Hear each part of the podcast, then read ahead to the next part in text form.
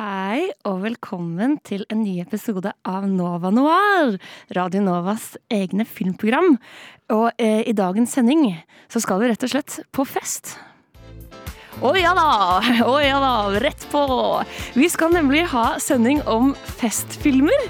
Eh, og ikke bare en hvilken som helst sending. Vi skal på en måte ta deg gjennom en sonisk reise fra vors eh, til fest til eh, nach til dagen derpå. Eh, filmene kommer til å følge tematikken, i tillegg til at vi også kommer til å være med dere, feste med dere gjennom denne sendingen. Eh, jeg er heldigvis ikke alene på fest. Med meg har jeg Ina Hei, hei. og Lars. Hallo, hallo. Og eh, dette kommer til å bli en helaften, men før vi gjør oss klare til å dra på vors, så skal vi snakke om hva vi har sett siden sist. Sett siden sist. Wow, og jeg tror vi kan begynne med deg, Lars. Hva har du sett siden sist? Nei, den filmen jeg så sist, det var eh, Oceans Eleven. Den gode klassikeren fra 2001 eh, med George Clooney, Brad Pitt og mange andre gode eh, kjentfolk der. Um, jeg vet ikke om dere har sett den før. Jeg, jeg har jo så den jo ja, på midten av 2000-tallet en gang. Jeg husker ikke en dritt av den, men det, det, det jeg sitter igjen med, at den, den har, er kanskje en av de filmene som er sånn aget veldig, veldig dårlig. Oi! Med tanke på liksom, Ikke bare i filmstilen. Filmstilen er litt sånn, tre- liksom, Nå er vi jo veldig sånn i ting kjappe klipp og, og sånt, men den var litt treg. Men uh, det er jo Julia Roberts, tror jeg var, hvis jeg husker riktig. Er hun også med? Hun er med, men hun er en trofédame, bokstavelig talt. Uh, hun liksom Hun har f- Ja, Ina? Nei, men Er det Oceans 12? Nei, Eleven. Å ja, OK. At, 12 er toeren. Ja. Ja. På, på, at, eh, på at Julia Roberts eh, liksom, Jeg skal ikke få gå inn med plottet, men jeg ble bare veldig fascinert av Julia Roberts rolle i filmen. På at uh, Hun har gått fra George Clooney. På at George Clooney har vært i fengsel, og han skal liksom jobbe banken. Han skal Og- robbe banken igjen etter han kommer Nei, ut av eller fengsel. Nei, jobbe i kasino. Ja. Uh, men uh, Julia Roberts har blitt sammen med den sjefen for denne, dette kasinoet. Og hun er bare trofédame, så George Clooney har bare lyst på henne. Og hun på slutten liksom, Nå spoler jeg gjennom hele filmen, bare spoilerer skitten. Men på, på slutten av filmen så Uh, har hun bøs, har liksom, De står fra kasinoet, han mannen, han sjefen har blitt sånn ydmyket og slått ned, og liksom Han har tapt. Og da går Julie Roberts med en gang tilbake til George Clooney. Altså, ikke noe problemer, de har bare hatt uh, god stemning, men eh, så rart. Men jeg vil veldig gjerne slå et slag for Julia Roberts i Oceans 12, skjønner du. For Ja. det jeg, eh, fordi da, Det er jo den beste, mener jeg, av Oceans-filmene, er toeren. Jeg tror aldri jeg har Um, sett den, faktisk. Altså, den er a banger. Den åpner utrolig bra med Brad Pitt som sitter ved et kasinobord og har eh, en, sil en sånn grå silkeskjorte med matchende slips. som Oh. laget av samme stoff. Eh, og det er også da han er i sånn, sitt skinhead-periode i livet. Um, og da er Julia Roberts en helt fantastisk karakter, hvis jeg husker det riktig. Men eh, det kan jo fort skje at hun bare er en sånn liten motivasjon. ja. Nei, men eh, sånn bokstavelig talt, hun var eh, vers, veldig dårlig skrevet kvinnelig karakter. Eh, vi er så teit. Jeg husker den filmen som veldig kul. Jeg. sånn, veldig tøff og veldig sånn der Å, vi skal bryte inn og masse kule spy shit, ikke sant. Men akkurat den biten av filmen var veldig dårlig. Men eh, liksom, det var en god film. Liksom, men det er litt sånn helt OK på at 2001 er veldig annerledes enn 20- 2023. Ja. I, Ting har skjedd. Liksom, jeg, jeg hater meg selv for det, men jeg skulle ønske at ting gikk fortere. Det går Ja. så tregt. Ja, det har men, blitt en trend å sette på spol, altså å se filmer på 1,25 hastighet. Ja. Eh, kanskje det er det man må gjøre med Oceans-filmen nå. Mm. Men hva har du sett siden sist, eh, Ina? Um, jeg har um, Greit, jeg tror ikke jeg har sett så mye film i det siste. Og jeg har vært veldig lei meg over det. Jeg har tenkt skikkelig mye på det, faktisk. Men tror du det er noe med sola? Eh, nei. jeg er aldri, en sol, solen påvirker aldri mitt filmhumør. Eh, jeg får aldri dårlig samvittighet for å sitte innendørs. Um, heldiggris. Ja, veldig. Men også burde kanskje hatt mer eh, dårlig samvittighet også. Eh, veldig unorskt av meg. Ja. Um, men eh, jeg har jo Jeg tror bare at livet er jo hektisk, på en måte. Mm. Så da får man ikke tid. Men jeg tenker veldig mye på film. Ja. Og jeg tenker veldig mye på kino. Eh, nå skal jeg jo eksempel i den kommende uken se både eh, det som jeg Nei, den eh, hva heter Den siste den våren. Siste våren. Ja. Um, og Jean eh, den eh, franske Eller om jeg sa det riktig, beklager. Uh, og nå som Cinemateket åpnet igjen, så er jeg veldig sånn Jeg har veldig nytt liv Ja. og veldig uh, lyst til å dra på kino. Mm. Um, det er bare det lander ikke helt riktig for tiden. Ja. Så det, du har rett og slett ting du vil se, da. Ja. du har ikke sett så mye. En evig lang Ja. eh, watchlist, kan man jo si. Eh, men så har det på en måte også vært ganske stille på våren, syns jeg. Jeg syns det har vært lite filmarrangementer. Jeg syns det har vært lite liksom, ting som har skjedd. Det er jo høsten de fleste filmer kommer ut. Og vi, vi i Norge vi fikk jo mange av disse store Oscar-filmene. Vi fikk jo de i februar-mars. Så det, sånn, det har jo vært rolig etter mars, eller første mars, liksom. Så det har vært veldig rolig sånn sett. Enig. Jeg skulle på kino med en venninne, eh, og hun ba meg velge film. Og, jeg, og jeg, liksom, det var i nesten ingenting. Og det som gikk, hadde jeg sett. Så det er veldig tørke nå, altså. Um, men da får man se gamle filmer på Cinemateket. Ja. Har du sett noe uh, gammel film, nemlig? Nei, Uh, jeg skulle egentlig på en måte kjøre en litt deg på dette stykket og si um, at jeg ikke har sett så mye. Men jeg kom på en ting jeg har sett. Men det er jo ikke film, da. Det er uh, en liten TV-serie som uh, Nå håper jeg dere kommer til å ha riktig reaksjon når jeg sier navnet.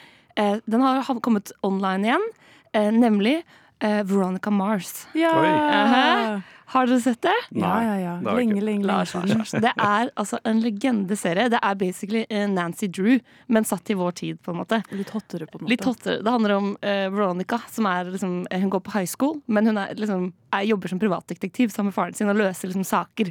Og bestevennen hennes har dødd på mystisk vis i fjor. Og, liksom, og så er det bare masse stort karaktergalleri. Så det er liksom high school-drama. Møter Nancy Drew. Uh, og den har nå kommet på Prime, og jeg husker jeg elsket den som barn og tenåring. Og så så jeg den igjen nå. Og den har aga jævlig bra. Er det det er sant? fortsatt dritgøy! Ah, hun er så rå. Hun Hva er så det hun heter? Veronica Mars. Ja, er hun som spiller Eh, henne, da. Kristen Bell. Ja, det er jo wow. hennes big break. Ja, det var var- jo Veronica Mars. Og det synes jeg, jeg så piloten med kjæresten min, og det er sånn, eh, karakterene i piloten er så todimensjonale. Som bøllene er skikkelig bøller. De er sånn derre dytter han ha-ha, nerd, og liksom sånn. Du, og Mathias, eh, kjæresten min, var bare sånn Det her er jo skikkelig eh, dødt. Eller sånn, det her er veldig kjedelige karakterer. Men jeg var sånn Nei, bare vent! Fordi alle de bøllene du ser i to sekunder, eh, får en større rolle i løpet av serien. De er kjempeflinke til å bruke liksom alle karakterene og gjøre dem mye mer tredimensjonale etter hvert. Det er jo ofte et problem i noen TV-serier at de har så mange karakterer, men så introduserer de nye istedenfor å bruke Ja. det de allerede har. Det er det, her er det sånn Å, han statisten i episode to Han får en kjempeviktig rolle i sesong to. Så de er kjempeflinke på å bruke Så jeg bare anbefaler alle å gå og kose seg med Veronica Mars nå som det er tilgjengelig igjen. Hvor er det man kan se den? Eh, Prime-video. Prime det, så det er at jeg har fått Prime som har åpnet denne døren for meg. Plutselig er det masse nye serier man kan se. Det er veldig gøy. Jeg skal se Fleabag nå òg. Har du ikke sett Fleabag før? Jeg har ikke sett Fleabag. Jeg har ikke turt, for jeg tror jeg kommer til å like Jeg det tror du for kommer til å godt. elske det så mye. Det kommer til å endre personligheten min. Jeg så to episoder, og så stoppet det. Jeg vet, jeg vet ikke hvorfor, men kanskje litt kleint. Jeg vet ikke. Det er litt penger, da. Ja. Men jeg tror du burde eh, Det er litt sånn mm, Jeg hater det når folk er sånn Du må komme deg gjennom tre sesonger, og så har du vært Ja. der. Ja, for det er mange Eh, timer å bare komme seg Yes. gjennom. Og jeg kjenner det selv når folk Det er mye snakk om Succession om dagen. Mm. Eh, og jeg hadde samtale med mamma og pappa hvor de var sånn Vi prøvde sesong én, men det funka ikke. Og så er jeg sånn Ja, men nå kommer det sesong to! Det er da det begynner, og det er da det liksom går litt fort. Eh, og så hører jeg meg selv si det, og så blir jeg sånn Herregud, så utrolig irriterende sagt. Ja, jeg må bare gjennom åtte timer med OK innhold. Jeg så jo for øvrig også to episoder av Succession, og jeg skal nok begynne igjen, men det stoppet der jo. Jeg Du har er også slitt eh, med den. Avhopper. Ja. Ja. Men eh, man hadde aldri sett liksom Å, eh, se denne filmen, den er ti timer lang, men du må bare komme deg gjennom de åtte første timene. Så er de to siste kjempebra. Det dårligste argumentet noensinne. Jeg vet. Du lytter til Nova Noir, eh, og vi skal eh, på fest. Vi skal snakke om festfilmer, og vi skal bli med dere på en sonisk reise gjennom en kveld ute eh, på Oslo. Eh, Ina, gi oss noen lufthorn. Tusen takk, tusen takk! Vi må bare få opp hypen, ikke sant? Ja, helt nydelig. Veldig bra. Tusen takk. tusen takk Eh, Ja, så eh, Hvordan pleier dere å gjøre dere klare for byen? Har dere ritual? Jeg føler at eh, det er åpenbart å ta en pils hjemme først. Gjør du det i dusjen? Og du gjør det? Nei, ikke i dusjen, Nei. men eh, når jeg på en måte hvis jeg vet at det er en time til jeg skal dra, Mm. så pleier jeg å, og jeg har en god tid, Mm. så pleier jeg å ta meg en øl, og så pleier jeg å enten sminke meg eller um, bare sose litt rundt. Jeg vet ikke. Så- det spørs veldig. Du tar et lite vors før vorset? Ja, et oppvarmingsvors. Ja, for jeg vet, noen uh, drikker øl i dusjen, Uh, og det har jeg aldri prøvd. Jeg har prøvd det, men jeg syns uh, Eller det gikk ikke meningen i mitt hode, hode, for jeg dusjer aldri før jeg skal ut. Jeg dusjer på morgenen. Ja, ikke sant. Så det er veldig Mm. rart hvis jeg skulle begynt, begynt du bare dusjer igjen? Ja, det er det. Så jeg, jeg tror bare jeg har litt Jeg, jeg syns det er digg de Mm. gangene jeg har gjort det. Ja. At det er, du har noe kaldt inni den varme dusjen. Um, men jeg hadde ikke gjort det med noe annen drikke. Så jeg syns det er litt sånn Det er bare fordi det er øl. Ja. Jeg skal, jeg skal prøve det nå, i hvert fall Mm. neste gang. Hva med deg, Eh, Dembla? Mitt ritual er egentlig bare å sette på eh, veldig høy festmusikk. Sose rundt til det punktet at jeg ser at jeg skal være der om ti minutter. Eh, begynne å prøve på absolutt alle klærne i eh, klesskapet mitt. Og til slutt eh, finne et eller annet jeg kan drasse på og løpe ut og komme en time for sent. Hva med deg, Lars? Jeg er vel litt der på at jeg, jeg starter jo dagen med å dusje, og så siden jeg skal ut La oss si at det fortsatt starter fem-seks, da. Så sitter jeg bare hjemme og jeg føler ikke at jeg kan starte en film. Jeg blir så stresset på tid. Ja. Bare på at jeg er sånn åh, jeg må bare vente. Liksom, jeg har ikke tid til Så selv om det er tre timer til, så sitter du liksom bare klar? ja, ja, det, det sånn, jeg, vet, jeg, jeg klarer ikke å slå meg til ro med det jeg skal gjøre. Jeg klarer ikke å sette meg inn i ting. Ja. Og så er det sånn som deg, da, at liksom, å shit, det er en halvtime, det, så må jeg teste klærne på det. Det Ja. kunne jeg ikke brukt de forrige tre timene på å fikse. Jeg er helt lik deg der, Lars. Eh, men hva føler dere en god festfilm eh, må ha? Jeg føler jo at det er jo på en måte en, en evig kamp om å eh, klare å vise hva en film er Nei, hva, hva en fest er på film. Ja. Det finnes jo veldig mange festfilmer eh, som prøver å på en måte Men det er jo nesten en umulig oppgave å fange den følelsen Mm. man får på film. Men jeg har jo sett veldig mye bra eh, sånn bottle-filmer som bare foregår på ett sted, eksempel, eller bare på én destinasjon. Ja. Og det er jo som ofte kan være festfilmer. Og det funker jo, men da har de jo ofte en helt annen driv. Det er jo ikke en sånn situasjonsting, det er mer en sånn det må skje noe. Det Ja. er et problem som skal løses i løpet av festene. Mm. Jeg føler at det nesten bare fins to typer festfilmer. Det er enten eh, sånn veldig gøyal, eh, crazy party, akka liksom sånn superbad, booksmart. Eh, vi skal snakke om litt sånne filmer i dag, men ikke de to jeg nevnte der. Eh, ellers er det de veldig liksom mørke, der festing er liksom ekkelt. Sånn som Noia, Climax, eh, litt sånn Oslo 31. august. Altså der det er veldig sånn Festen. festen hvor det er sånn mørk. Eh, og jeg syns det har vært gøy å se en film som klarte å kombinere litt av begge. Eh, men det, er det, det tror jeg ikke jeg har sett.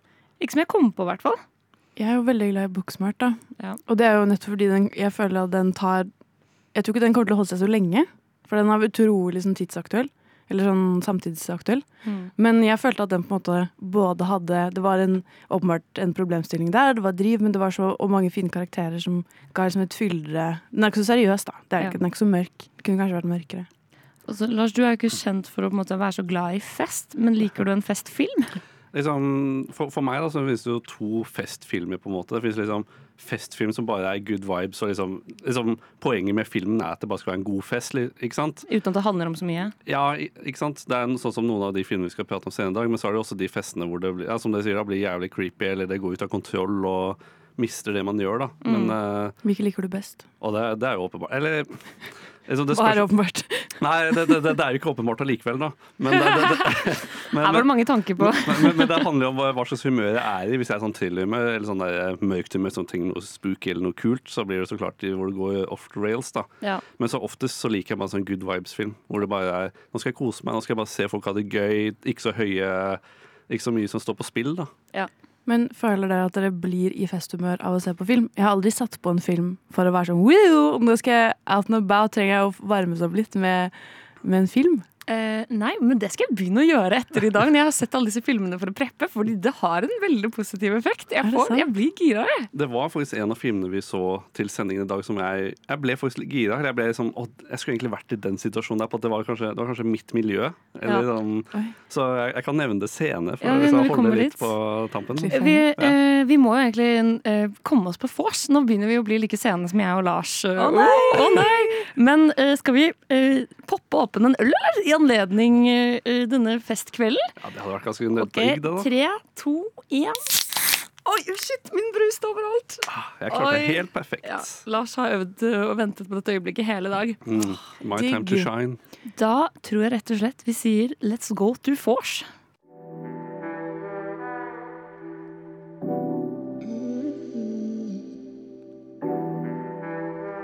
Nova, Nova Noir. Har du fucka med noen filmer i det siste? Har du fucka med noen film siden sist?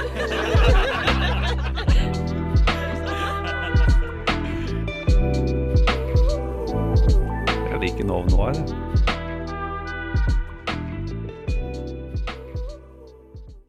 Velkommen tilbake til filmprogrammet Nova Noir, hvor vi i dagens sending eh, tar deg gjennom en sonisk festreise. Og vi har kommet til vors. Og eh, Vors-filmen, for å sette liksom, den gode, gode Vors-stemningen, fordi det fins vel egentlig ikke noe bedre enn vorset, eh, er Dazed and Confused. Hva handler den om, Lars? Nei, det er jo det jeg skal prøve å forklare det nå, da. Nei, Dazed and Confused er jo eh, en coming of age-film fra 1993, regissert av Richard Linklater. Han er kjent eh, i nyere tid for filmen Boyhood fra 2014. Eh, I filmen så er vi i slutten, eller starten av sommerferien eh, 1976. Det er siste dag på skolen, og kidsa skal ut og feste at sommeren har nå begynt. Vi følger litt forskjellige grupper med eh, seniors og freshmans, eh, som de heter. Og det er litt sånn eh, rar stemning hvor eh, seniorsene jager disse freshmansene og prøver å spanke dem på rumpa. Og folk som skal finne seg noen å ligge med, og noen som skal gjøre ditt og datt. Eh, Og så er det egentlig bare en reise ut denne kvelden, ut denne festdagen. What do you want to do then? I want to dance. You gonna be quarterback next year? I don't know. I might not even play. You're in need of a serious attitude adjustment, young man. Super dominant male in a 50s greaser uniform. That's what I love about these high school girls, man. I get older, they stay the same age. The 50s were boring. The 60s rocked. The 70s, oh my God, they obviously suck. Dazed and confused. See it with a bud. Behind every good man, there's a woman. Åh, jeg blir så godt humør av den traileren. Det er, det er en veldig god stemning der. Bare sånn musikken og sånn energien. Det er sånn dette et vors skal være, da. Jeg syns at denne filmen er en skikkelig god vorspiel-film, fordi det som er en del av handlingen, er at de, den festen de egentlig skal ha, blir avlyst. Eh, fordi han eh, idioten skal ha hostefest, har klart å bestille øl hjem før foreldrene hans har, har eh, reist. Så da blir på en måte stedet for festen blir avlyst, og da blir det en slags sånn vandrefilm i store deler. At de liksom går og leter etter fest, Ja. eh, eller planlegger hvordan de skal få til en fest likevel. Så hele filmen er et veldig, veldig langt vors. Um, og så kommer man jo til et punkt hvor det er mer festete og det er mer, mer nachete og, og dagen derpå etter hvert. Men veldig store deler av denne filmen handler om denne letingen, som også kan være en del av vors. Ikke bare det at du venter på å dra på en fest, men også leter i stor grad etter sånn Hva skal vi gjøre i kveld, egentlig? Skal vi, skal vi dra på blå, eller skal vi eh, Det er noen som spiller her, eller det er eh, noen som har en hjemmefest her. Det er alle mulighetene, da. Eh, og den, den, også den jakten på å være der alle andre også er. Ja. Mm. Jeg, er, jeg fikk sånn ordentlig god forestemning, og jeg så den i dag tidlig. Og jeg var litt fyllesyk, og likevel, den reddet meg på en måte. Uh, og jeg elsker at det er så mange karakterer. Det er liksom, jeg, kommer til å bli veldig vanskelig å forklare denne filmen eh, fordi man også Jeg husker ikke hva noen heter. Vi Nei. snakker om liksom 20 hovedkarakterer her.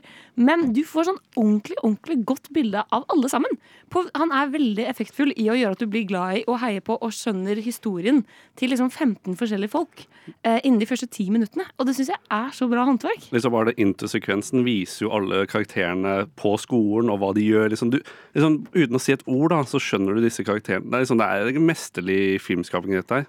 Og uten å spoile eh, den filmen vi skal hoppe til eh, etterpå, men her har vi jo også Ben Affleck som spiller en drittsekk. Han er jo med overalt. Gjennomgående. Vi har også flere regissører som går igjen, eh, eller produsenter. Produsenter. Mm, ja, det, som går igjen også. Det er jo kanskje en sjanger for seg selv, da. ja, det er en, en egen type mennesker i festfilmsjangeren. Eh, men hadde dere sett Dazed and Confused før? Ja, eh, for lenge siden, da. Jeg føler den var sånn en av mine um, definerende sånn Den er jo veldig likt uh, Veldig lik um, Paul Thomas Anderson sin uh, Licorice Pizza, men også Boogie Nights. Med Ja. den følelsen av det er veldig et, en tidskapsel, Uh, og den er jo mesterlig på dette med å ha mange karakterer som på en eller annen måte kobles sammen uh, etter hvert. Um, så jeg hadde sett den, uh, og så er den Det er jo det som er ganske kult med den nå. Den er ganske eh, aktuell, ikke aktuell, men den, den dras opp ofte, føler jeg. At sånn, eh, Matthew McConaughey sin karakter sier jo eh, mye forferdelige ting. Eh, alt fra alright, alright, alright til eh, mm, That's what I like about high school girls. I get older and they stay the same age. Jeg liker at ditt første eksempel på dårlige ting han sier, er all right. Ja, men, ja, men både òg, da. Det er på en måte. linje. Men det, den har satt sine spor, da, føler jeg, i, um, i tidsånden, på en måte. Ja, Og du kan, du kan jo si at det også var Matthew McConneys gjennombrudd også. Ja. Det, Var det det? Ja, det var det. han liksom ble ordentlig kjent, da. Det var det, det var hans breakout-role. Men var det da han begynte å spille sånn pen gutt? Eller pen mann? Eh, Ja, han begynte i litt romcoms etter det. Ja. eh, Ja, men da her han ble liksom et stort, kjent fjes. da. okay. Um, og det jeg syns er veldig gøy, er at eh, Richard Linklater, som har skrevet og regissert denne filmen, han var veldig sånn Egentlig skulle hele filmen ta sted i én bil. Oi. Og bare være, ikke sant, Den der jakten etter fest skulle folk komme inn og ut av bilen. Eh, men jeg er glad de ikke gjorde det, for jeg syns de har bygd et sånn fantastisk univers. Men han har jo senere lagd denne Before-trilogien, eh, som jeg syns er så døll. Eh, og så syns jeg denne her filmen og Boyhood er min favorittfilm. Så her, det er, Han har på en måte flere sider, men her er han så god. Liksom, det som han gjorde så bra med denne filmen, var at liksom byen eller liksom nabolagene ble en karakter. da. Liksom Du bare følger liksom, alle disse forskjellige områdene, og du, du følte den sommerfølelsen. da. Det hjelper jo ikke at jeg så den i dag som hvor det, var 20, hvor det er 20 grader. Eh, men jeg, bare, jeg, jeg levde meg så inn i denne verden her, da. Ja, enig. Og noe som også går igjen i veldig mange av disse festfilmene vi skal snakke om, er dette med nerdene. Nerdene som skal komme seg på fest, og nerdene som skal ta hevn. Eh, og det eh, nerdene i denne filmen Vi har på en måte to generasjoner nerder i Dazed. Du har eh, de som er på en måte førsteklassinger, veldig unge nerder, og så har du de eldre nerdene. Eh, Som er litt sånn kule kule nerder. Ja. Uh, og begge er utrolig morsomme, og man skulle tro det ble litt likt. Sånn at når han har skrevet dette, så er det sånn Jeg har én ung nerd og én gang. At det kunne bli sånn rotete. Men jeg syns det funker veldig bra. Eh, og jeg elsker de barna. Jeg føler også at den filmen føl At jeg får veldig følelsen av at jeg bare er plassert midt i en handling. At det er veldig mye Sånn som eh, filmen også begynner med at en av hovedpersonene som spiller fotball, amerikansk fotball, får et sånt, en kontrakt han må skrive under og love at han aldri skal ta dop, han skal aldri drikke alkohol, og han kommer aldri til å gjøre noe dumt. Eh, og så er jo det et sånn underliggende tema for han. Eh, så det er åpenbart noe som har skjedd i forkant av det skrivet, men det har kommet inn der. Han er også litt lei. Eh, I tillegg så er det dette med at ja, de blir banka opp, disse barna blir banket opp av de eldre elevene. Og det er en tradisjon. Og det er helt chill, liksom. Det er null stress. Eh, og det er sånn som aldri blir forklart. Og det Mhm. elsker jeg. Når de, du må bare anta at sånn, sånn er det. Og det er en helt logisk grunn til at det er sånn, men du får ikke vite det. Eh, så du må bare leve deg inn i situasjonen, og den er den veldig, veldig god på. Det er en liten scene hvor eh, de eldre nerdene diskuterer denne hetsekulturen og sier sånn eh, er det ikke litt rart at alle bare er innforstått med at dette er ok? Sånn til og med lærerne. Uh, og så snakker de aldri om det. Jeg synes det er veldig gøy at De er liksom de kritiske, men de er på en måte De er teite, de skal vi se ned på. Men uh, ja, jeg bare føler at denne filmen eh, Første gang jeg så den, så husker jeg at jeg syntes den var litt rotete. Og at jeg følte at den ikke egentlig leder uh, til noe. Og at jeg satt igjen og var liksom Hva er det denne handler om? Og at jeg syntes det var morsomme sekvenser, men jeg var sliten etter å ha sett den. Men når jeg så den igjen nå, så bare digget jeg den hele veien gjennom. Og jeg prøvde å sitte for meg selv etterpå og være sånn Hva vil denne fortelle meg? Men jeg føler at den er veldig flink på å ta veldig mange små øyeblikk i et menneskeliv. Det er sånn, det er en karakter som ikke vet hva han skal gjøre, vil han på college. Det er en karakter som er lei av å bli dyttet, så han, endelig, liksom, han skal endelig stå opp mot uh, mobberne. Uh, og så har vi jo han uh, hovedkarakteren, på en måte, han som måtte signere denne kontrakten om at han ikke skal ta drugs. Han er på en måte bare venn med alle, og alle liker han, men han vet ikke helt hva han vil. Altså, du har veldig mange små linjer som til sammen jeg føler gir et sånn lappeteppe av det det vil si å være ung, som er veldig effektfullt. Og så føler jeg heller ikke at det er et parti som skal tas. Eh, Det er ingen av karakterene som er 100% gode, eller 100% Sånn som til og med hovedkarakteren gjør jo eh, ting som kanskje er liksom shady, eller sånn hooker med jenter som ikke er kjæresten hans, eh, eller som er noen han flørter med. Men det er også bare det Den er veldig sånn Viser bare hvordan det er å være ung, og det tankemønsteret man har. Og prøver heller ikke å vise Eller nerdene er ikke bare nerder. De er veldig dynamiske og veldig Ja um, fullverdige karakterer, selv om det er dritmange av de, uh, som jeg blir veldig ja, imponert over. Jeg vil jo si at dette er et veldig godt eksempel på Eller sånn, nesten sånn eh, skolebokeksempel på hvordan man skriver karakterer og altså, hvordan, hvordan du setter opp univers. Da. Det er liksom som du sa, at det er så mye usagt som liksom, du, du ser at folk har motivasjoner, de har, det er ting som har skjedd tidligere, det er relasjoner, men du, får, liksom, du opplever det underveis. Og liksom, Det høres veldig åpenbart ut når, man, når jeg sier det nå, men det er veldig mange filmer som får det ekstremt feil. Ja. Og jeg føler at en sånn slice of life-film kan så gå veldig gærent. Sånn, Du er jo ikke så fan av Licorice Pizza, for eksempel, Ina. Selv om jeg liker jo den. Men så den kan, eh, mens den her føler jeg treffer ganske bredt, og alle har eh, får gode vibes av den. Eh, så jeg vil si ultimat vorsfilm. Ultimat film, egentlig. Eh, nå skal vi jo bevege oss til en film som eh, ligner litt, eh, men som igjen er noe helt annet. Vi skal rett og slett bevege oss til festen. Nova Noir. Film på radio. Hver torsdag 10 til 12, eller i din podkast-app når som helst. Du hører på Nova Noir, og vi har sending om festfilmer. Eh, og nå beveger vi oss eh, fra vorset. Eh, og vi begynner på en måte eh, Og har på en måte kanskje begynt vår jakt, vår, vår kamp mot festen. Eh, og den filmen vi skal snakke om nå, handler jo veldig mye om det å komme seg til festen. 90% av filmen handler om å komme seg til, eh, komme seg til selve festen. Og den heter eh, 200 Cigarettes. Jeg føler jo at den eh, kanskje ikke er eh, reisen til festen. Jeg føler den er mer reisen til nachet.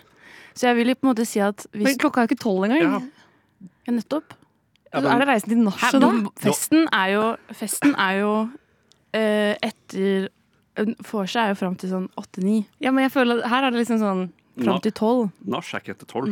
De her kommer jo alle før tolv. Hele film, filmen handler om at de skal prøve å komme seg dit før tolv. Ja.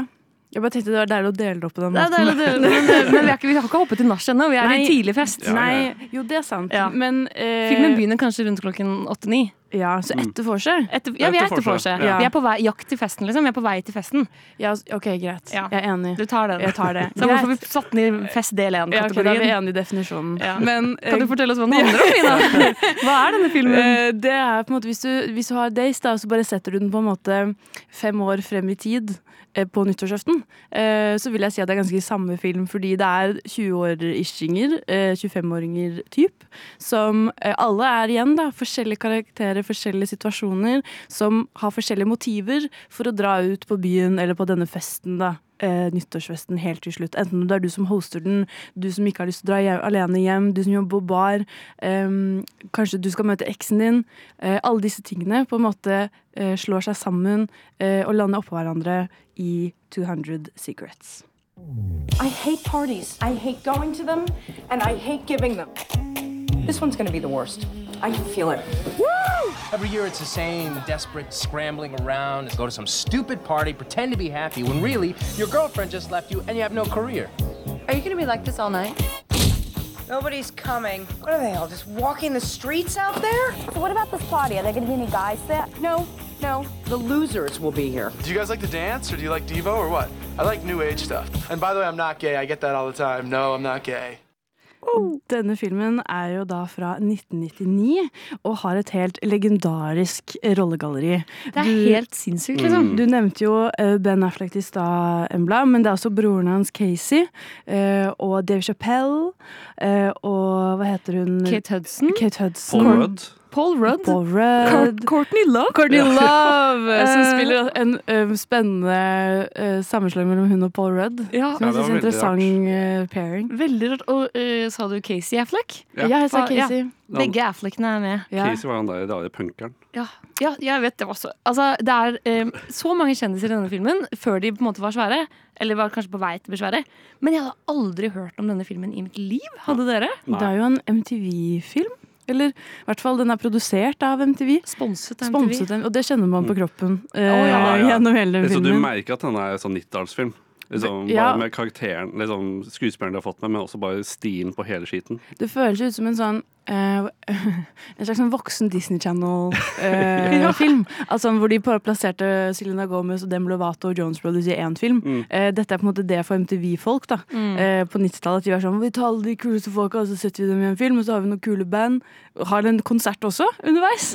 En hel låt som spilles Veldig på et rart. tidspunkt. Eh, og den er jo eh, Men eh, den, ja, vi, nå sier vi at den minnes om Days and Confused, men gir dere, dere like gode viber eller vibber som Days gjør? Nei, liksom Problemet er at den har ikke de samme sjarmerende karakterene som Days of Confused har. Liksom, Du har jo åpenbart Dave Chappelle, som eh, alltid er en uh, godbit å få med seg, men veldig mange karakterer var bare rare. og Du, du, du, fikk, du, fikk litt motivasjon, da, men du fikk liksom ikke den der hele historien som du tenkte for få like de da. Nei, jeg føler at eh, Vi snakket jo litt om hvordan Dazed var en, en ensemblefilm der det funker dritbra. Mm. Eh, og her er et eksempel på en ensemblefilm som ikke funker så bra. Mm. Fordi veldig mange av linjene og karakterene bare faller helt sammen. Eh, det er blant annet en linje som Og det er jo litt gøy, vi har sikkert forskjellige favorittlinjer og sånn, men det var en hel linje som bare handlet om to jenter som skulle finne seg dates til denne nyttårsfesten. Og jeg var så lite investert, og, brydde, og det fikk så mye plass, og jeg brydde meg så lite. Eh, men samtidig så var det en linje som handlet om sånn eh, hun som skal hoste festen og opplever at ingen kommer. Og den syns jeg var en legende morsom. Jeg syns også det var den beste. Ja. For jeg kjente, kjente på det presset av at sånn, du bare går sånn hvilløst rundt og venter og du har pyntet deg skikkelig. Mm. Eh, men har så laget dipp. Ja, laget dipp! Og liksom har så store ønsker og planer. Eh, og så, men samtidig så blander de inn en sånn linje med eksen hennes, eh, som er en sånn irsk eh, kunstner som er dårlig i senga. Og han var også sånn Bryr meg svært lite om denne Ja, det. Det er jo mye mer usympatiske karakterer i denne filmen. Mm. Og jeg føler De føltes som det var med vilje, fordi ingen, utenom kanskje Kate Hudson, er gode mennesker. Men det var også en linje jeg ikke brydde meg om, for Kate Hudson spiller sånn slapstick-karakter som bare faller overalt. Hun Ja, driver og faller og snubler. jakka si og- For jeg faller i bæsj og liksom ha-ha. Og Og, det var Kate Hudson, da. ja, kanskje. Hele hennes linje er at hun som er på date med en fyr hun har ligget med én gang, og så er hun bare sånn Klarer hun å si at hun elsker han, og så blir han sånn Å, min curse er at alle jenter forelsker seg i meg med en gang. Uh, og jeg, den linjen for, altså en av hovedlinjene som jeg bare ikke brydde meg om i det hele tatt. Du merker veldig godt at uh, som jeg sa i start, det er veldig 90-talls i hvordan liksom, motivasjonen til folk er, og hva, hva som skjer med de, og liksom, at de er veldig overfladiske personer. Da, med, uh, ja, jeg, jeg syns det er veldig det, det var det som egentlig fikk meg til å ikke være så investert i den, var at det det var litt for mye 90-talls. Det er en ting jeg har funnet ut om meg selv, at jeg er veldig lite glad i 90-talls filmstil. I hvordan ting er skrevet og Ah, hva er det du ikke liker med det? Nei, jeg bare Jeg vet ikke på at det, Man merker jo at det er produsert MTV med den edgyheten og den der rare Det skal prøve å vokse, men samtidig komme øh, appellere til de unge. og Den, den finner liksom ikke sin egen plass da, og bare er sånn rar mellomting. Edgy Disney Channel, som Ina sa. Ja, ja, men jeg syns det er- beskriver det helt perfekt. Mm. På at, på at det er jo akkurat det MTV var. Ja, og det føles liksom barnslig. Mm. Selv om de snakker om sex og dop og sånn, så er det bare veldig sånn overfladisk og teit.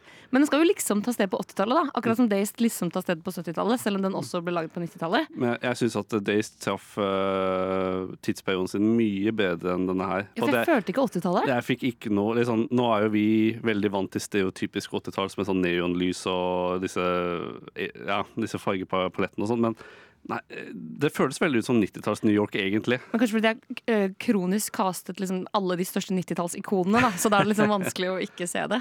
Og så prøver den jo, fordi den skal være sånn altetende for mange av en generasjon, så prøver den å vise mange aspekter ved det å være ung. Så den viser både sånn punkerne og de som er litt sånn mer edgy. Eh, Elvis Castello er med, som jeg synes er en sykt weird referanse. At sånn, han var jo, han er sikkert big, eller sånn, jeg vet jo hvem han er, og sånn, men det at alle liksom var så fan av Elvis Castello, syns jeg var en rar ting å, å trekke fram. Men også at Kate Hudson er jo en veldig streiting. Eh, går i en veldig rosa ballkjole. Jeg vet ikke hvem hun på en måte skal representere. Og så har du på en måte de vanlige folka. Men jeg fikk heller aldri noen 80-tallsfølelse. Jeg fikk en veldig sånn vanlig 90-tallsopplevelse. Ja, samme. Og jeg synes også det var rart at alle skulle til denne samme festen. Det er på en måte målet. Ja. Og hele filmen bygger opp til at alle disse linjene de skal på samme fest. De snakker om den festen, inviterer folk til møte på veien til denne festen. Og vi følger også jenta som har festen, og som opplever at ingen gjester kommer. Og klokka begynner å nærme seg tolv. er Tolv, da er det jo på en måte over ut. Da er- Det er jo nyttårsaften. Um, og så eh, til slutt så får du det øyeblikket vi alle har ventet på. De har en sånn eh, sekvens hvor alle kommer opp trappa til festen. Du ser en etter en av hovedkarakterene gå inn.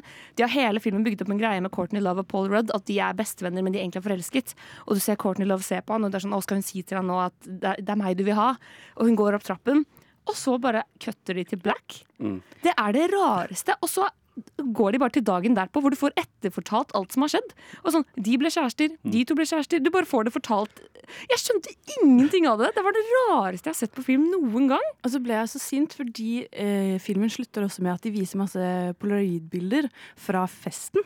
Hvor, er hvor Dave Chappelle på en måte forteller over For han endte også opp, selv om han er så endte han også opp på festen. Forteller på en måte sånn Og så gjorde de det her, og så skjedde sånn, og så bare var, det det som det var noe greier her, og noe vibe sånn, og så var det noe så Ja. ehm, og da ble jeg sånn Men det var dette jeg ville se! Ja, jeg ventet Disse hele filmen på- jeg ville se! ventet hele filmen på å få se de tingene de bare gjenforteller oss i rulleteksten. Ja, det var utrolig skuffende. Men i likhet med en annen film vi skal prate om senere, så har du jo akkurat det samme problemet. Er at du, og det er sånn kanskje en greie med festfilmer, at det, liksom, Den bygger opp til at festen er liksom det store, men du får ikke payoffen. Og det, det er jo det som eh, er blitt en rar trope i, i film, nei, festfilmsjangeren. Som jeg ikke, hvor, hvor tror du dette her kommer fra? Men tror du ikke det er jo nettopp det vi snakket om på introduksjonsstykket, at det er ganske vanskelig å lage en god festfilm? At det er enklere å ha flere sett og eh, sånn ordentlig sånn reiser og eh, kanskje lene seg litt på det, enn at sånn alt skal skje. Jeg tror at hvis denne filmen bare hadde foregått på den festen, så tror jeg den ikke hadde vært noe bedre. Liksom Budsjettmessig så er det vel enklere å få til det. Men uh, igjen, en annen film vi skal prate om i dag, får til selve festen på en Mye bedre mye bedre måte. måte, engasjerende måte. handler kanskje om hvor pengene havner. Mm. Men uh, bare en liten fun fact også er at de måtte filme masse på nytt fordi en av naboene hatet denne filmen så mye uh, fordi mannen hennes hadde dødd av lungekreft, og de røyker jo hele filmen. Så hun liksom begynte å rope sånn uh, Don't smoke, no to smoking! Og henge sånn antirøykeskilt i alle vinduene og sånn, sånn at de liksom slet med locations. Jeg Det er synes bare det er gøy. gøy. Respekt til den dama.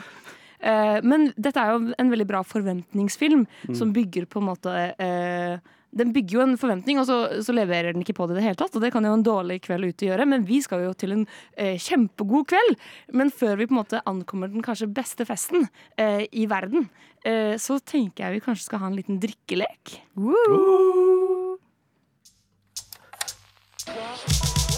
Radio Nova.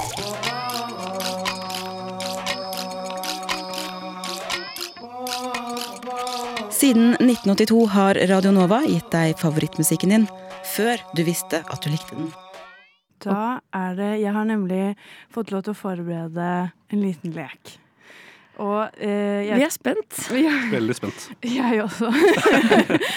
um, fordi noe, noe jeg elsker veldig, er eh, Eller jeg er ikke så fan av drikkeleker generelt. Det er jo ofte det som ødelegger en god samtale, er den ene personen som er sånn Kan vi leke lek? Ja, fy faen. Det- Jeg, og å, jeg takler det ikke. Men du vet, det er den personen som kjeder seg mest, er den som vil leke leken. Ikke sant? Så- Um, så jeg er veldig motstander av det. Men en ting jeg liker veldig godt, det er drikkelighetlåter For da er det veldig Du Ja? Jo, fordi det som er greia forskjellen mellom det og en sånn en drikkelek, er at det er bestemt tid. Ja, Mm. Det ender fort. Ja. Ja. Det er maks fem minutter. Det er sant. Og da er det om det er Thunder og ACDC, hvor alle skal drikke eh, når man sier Thunder, eller det er gå på runde, eller om det er spesialiserte drikkeleker. eh, Eller Pisk meg hardt, eh, hvor man skal ha jeg ikke det helt. Nei, det skjønner jeg. Den er. Eh, Men da er det utrolig begrenset. Fordi noe av det jeg liker minst med drikkeleker, er at de bare varer og varer, og du tar flere runder, og man faller ut, og det er bare ja, stress. Det er stress. Det er veldig stress. Ja. Men da liker ingen av dere liker drikkeleker? Jo, jeg kan like, hvis, det er bra, hvis alle er med, og vi er en liten gruppe, og den på en måte blir uh, spicy nok, Ja. ti av ti, da kan det være kjempegøy. Og jeg, og jeg er veldig med på det at det er sånne sanger som bare har visst tidsrom å Mm. ha drikkelek på. På at noen har bare lyst til å drikke drikkeleker hele kvelden, og det takler jeg ikke. Ja, men det er alltid sånn, Hvis du sitter ved siden av noen, og dere prater, og de plutselig blir sånn 'Vi skal ikke ha en drikkelek', da, så kan dere vite at det er personlig. Det er fordi det er kjedelig å snakke med dere. Det er alltid den som er sånn mm, 'Jeg vil ikke være stuck her', som begynner å innse drikkelek. Og det er litt surt, da. Jeg opplever det ganske ofte. Ja, Lars, det kan du ta med deg. ai, ai. Ja. Men da, fordi jeg kjeder meg med dere eh, og har lyst til å spice opp litt, så har jeg laget min egen drikkeleklåt. Hey, uh, og jeg vil bare rette all homasj eh, til Ingrids drikkelek. Eh, det fantes før på Spotify, er ikke der lenger. Veldig trist. Er det fjernet? Ja, Ja. borte. Oi. Men ligger på YouTube.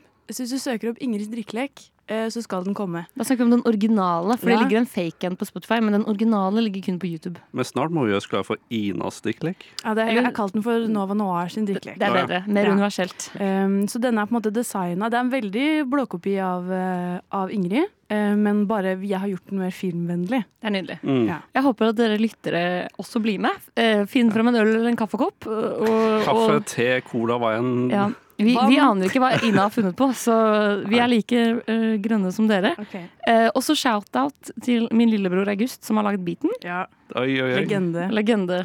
Det setter vi pris på. Ja. Ok, men uh, Før vi går i gang, la oss bare åpne vår øl nummer to, da, siden vi skal på en drikkelek. Ja, Jeg har ikke drukket opp min ennå. Oi, fuck, Det har ikke jeg heller, men jeg tar det en slurk. Vi bare begynner på nummer to, og så tar vi resten på eneren etterpå. Vakkert. Nydelig. nydelig. Okay. Lars er klar. Eh, det skal også sies, bare for eh, lytteren, for å gi litt kontekst, så er det 40 grader i studio. Vi alle sammen står fordi vi er så slitne av denne varmen at vi, jeg tror vi sovner hvis vi sitter. Men det er god stemning, da. Men det er kjempegod God stemning! liksom, det er det som gjør en god fest. Ja. At liksom, du kommer deg gjennom alle de kjipe elementene bare for den gode festen. Ja, Stemningen er er fortsatt bra. Vi skulle hatt litt airhorns akkurat nå, men vi har heldigvis drikkelek, så det går bra. Ok, Ready? klar, klar. for drikkelek.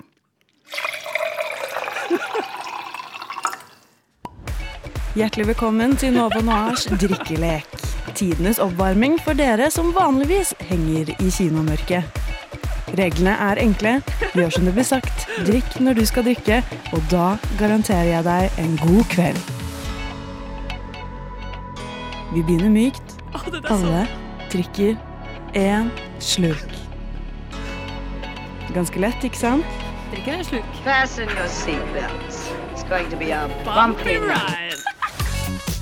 Da er det tid for kveldens første utfordring, nemlig Jeg har aldri sett. Dra opp In the Bed topp 10-lista og drikk på de du har sett. Sett sangen på pause. Åh, legendestart. Legendestart. Ok, Det er altså stingen at vi skal gå gjennom topp 100 til de topp topp 10 på topp 100 av IMDb. Og da kommer jeg til å lese eh, filmene høyt, og så skal dere drikke hver gang dere har sett filmen. Skal vi lage en høy Gjerne si- slurpelyd? Yes, ikke sant. Eh, ja, eller ja, gjør det. Nei, det er stakkars lytter. Vi kan Jo, ikke det går fint. Nei, vi Dette blir- sier, vi sier sett. Og så begynner vi nå. Frihetens regn. Sett. Gudfaren. Sett. The Dark Knight. Sett. Det er krise. Schindlers liste. Sett. Nei, nei, den har jeg ikke sett! Har du ikke det? Nei, bra. Eh, Jeg merker at du ikke drikker. Jeg skal drikke, altså. Ringenes herre atter en konge. Så klart har jeg sett den! Sett. Den er legende. Eh, Twelve eh, 12 Angry Men. Den har jeg ikke sett. Sett, Ha, har du sett den? Oi. Den har jeg sett. Straffeslurk på deg. Gudfaren del to. Sett. Sett. Pop Fiction. Sett. Sett. Inception. Sett. Siste nå. Oi, oi, Mm. Ringenes herre, oh, Ringenes yes. brorskap. Så klart. Sett. Herlig, herlig, herlig. Bra jobba. Da går vi videre på del to. Velkommen tilbake til Nova Noirs drikkelek. Håper du henger med. We're not in Kansas anymore. Nå kan du drikke to slurker. Hvis du elsker Joker, skal du ta deg tre slurker. Nå er det tid for kveldens andre aktivitet, og det er kategori. Kategorien er norske regissører. Kommer du ikke på noen eller sier feil, må du drikke fem slurker. Sett sangen på pause. All right, da begynner vi på norske regissører. Lars. Joakim Montier. Joakim von Trier. Er det det er Joakim Trier? Nei, det Bra er start. bra start. Det funker. Eh, Dag Johan Haurud. Eh, Mona Hoel. eh, Eskil Vogt. Charlotte Blom. Eh, Tommy Wirkola. Eh, Ivo Capino? Nei. Jo, han regisserte Flåklypa, gjorde han ikke det? Kanskje. Vann-brødrene? Nei, de er ikke brødre. Uh, De er ikke brødre, de er ikke brødre, men de, dem! Nei, bare fordi jeg sa brødre. De er bestevenner. De er fortsatt folk. Men hva heter de, da? Hva med Vennerød? Vennerød? Venn og venner, Ja. Mm, så du sier en av de, da? Ja, jeg sier begge, så du ikke skal ta den neste. Du tar den neste. OK, eh, da sier jeg eh, Harald Svart. Eh, har noen sagt Tommy Wirkola? Ja, jo, nettopp! Jeg Jeg, sa ikke- sa det! Ja, du jeg sa sa det. Så du, Lars, Jeg trodde du sa Tommy Virkola forrige runde, så jeg var helt sånn sjokkert. Nei, nei, nei, du si. Søren, ass. Det går bra. det går bra okay. Jeg fikk helt freeze. Det var skummelt. Ja, men det er Ja, sånn det skal være. Ok, men Nå går vi videre på siste del.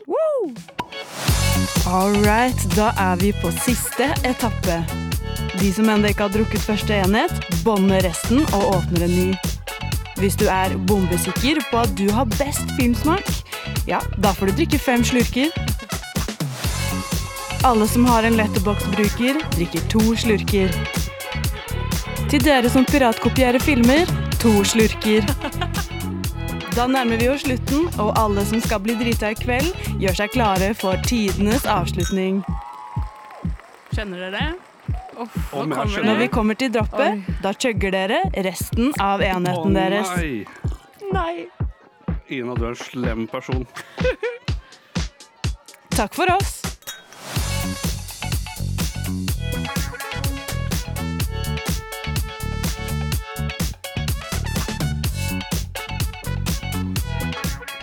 Ai, ai, ai. Oi, oi, oi. Jeg, um, nå blir det god stemning inn i neste film. For en legendelåt. Uh, alle sammen uh, trenger ikke å frykte, fordi denne uh, låta kommer på Spotify. Oi. Eh, veldig Store ord, snart. store ja, den gjør det. Eh, full versjon kommer på Spotify. Det var veldig bra, Ina. Ja, syns dere det? Liten applaus for Ina her, eller? Ja, det er absolutt. Hyggelig. Det var veldig stas å kunne være min egen Ingrid. Ja. Nå, nå, nå har. Det er helt nydelig. Eh, hvis, nå er vi i feststemning, eller hva? Ja, absolutt. Oi, oi, oi. Eh, da tror jeg eh, rett og slett vi skal bevege oss til kronjuvelen av festen. Du lytter til Nova Noir. Du lytter til Nova Noir, og vi er midt i vår eh, episke festfilmsending.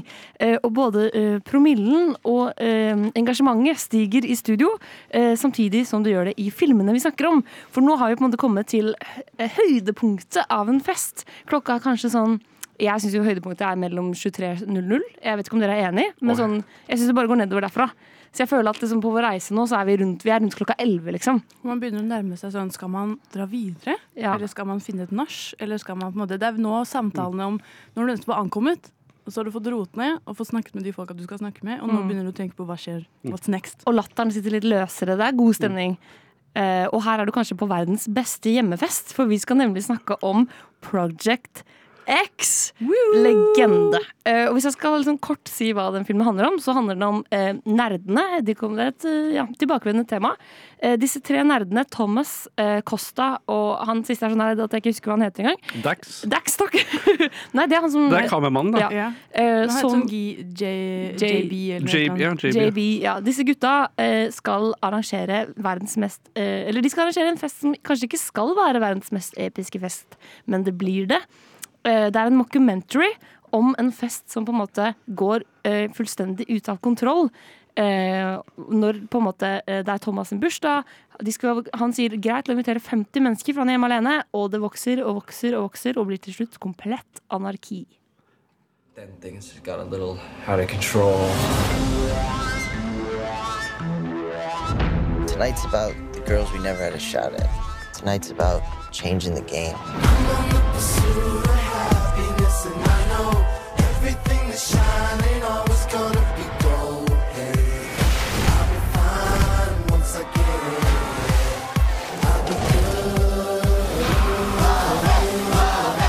Just big enough to be cool.